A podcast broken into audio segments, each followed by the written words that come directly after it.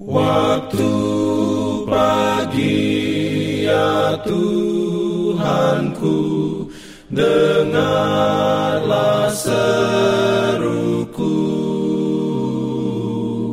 Melayang doa yang sungguh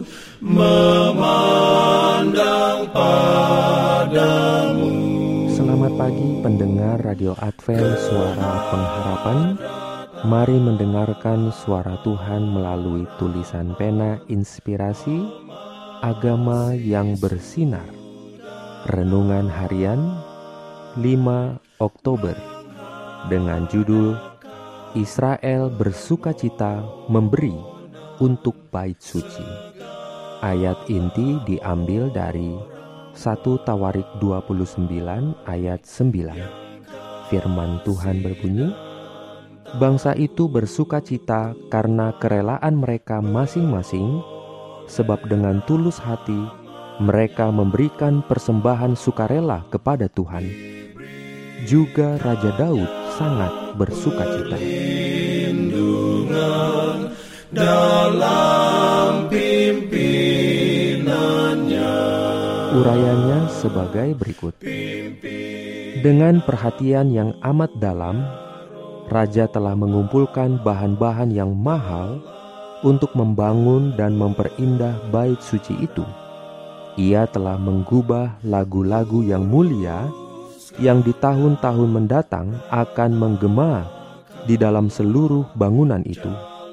Sekarang hatinya bersuka cita di dalam Allah apabila para kepala puak dan para pemimpin Israel memberikan sambutannya yang baik itu terhadap ajakannya dan menawarkan diri mereka kepada tugas yang penting yang ada di hadapan mereka. Dan apabila mereka memberikan pelayanan mereka itu, mereka cenderung untuk berbuat lebih banyak lagi.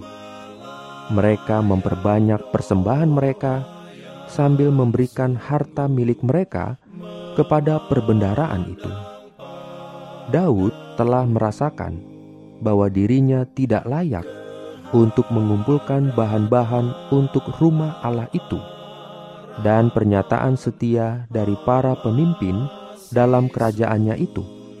Apabila dengan rela hati mereka telah menyerahkan harta mereka kepada Allah dan menyerahkan diri mereka untuk melayani pekerjaannya, telah memenuhi hatinya dengan kesukaan. Tetapi hanya Allah saja yang telah mengaruniakan sikap seperti ini kepada umatnya. Dia bukan manusia yang harus dipermuliakan. Dialah yang telah menyediakan orang banyak itu dengan hasil bumi dan rohnya telah menjadikan mereka rela untuk membawa harta milik mereka yang mahal itu untuk keperluan bait suci. Segala sesuatunya berasal dari Tuhan. Jikalau kasihnya tidak menggerakkan hati orang banyak itu, maka usaha raja itu akan sia-sia, dan bait suci itu tidak pernah akan didirikan. Segala sesuatu yang manusia terima dari Allah adalah masih merupakan kepunyaan Allah.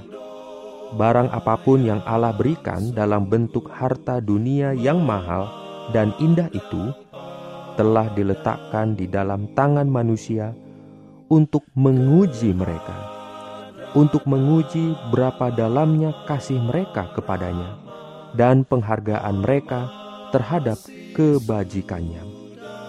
Apakah itu berbentuk harta kekayaan ataupun kepintaran otak? Semuanya itu harus diletakkan di kaki Yesus sebagai satu persembahan sukarela.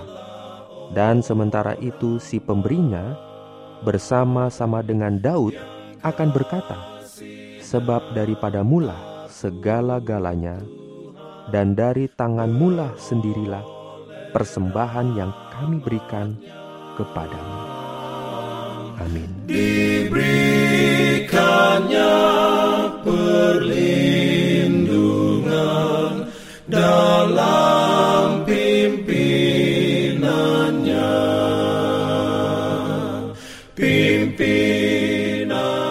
Jangan lupa untuk melanjutkan bacaan Alkitab sedunia. Percayalah kepada nabi-nabinya yang untuk hari ini melanjutkan dari buku Amsal pasal 2. Selamat beraktivitas hari ini. Tuhan memberkati kita semua. Jalan kewajiban Jalan Islam.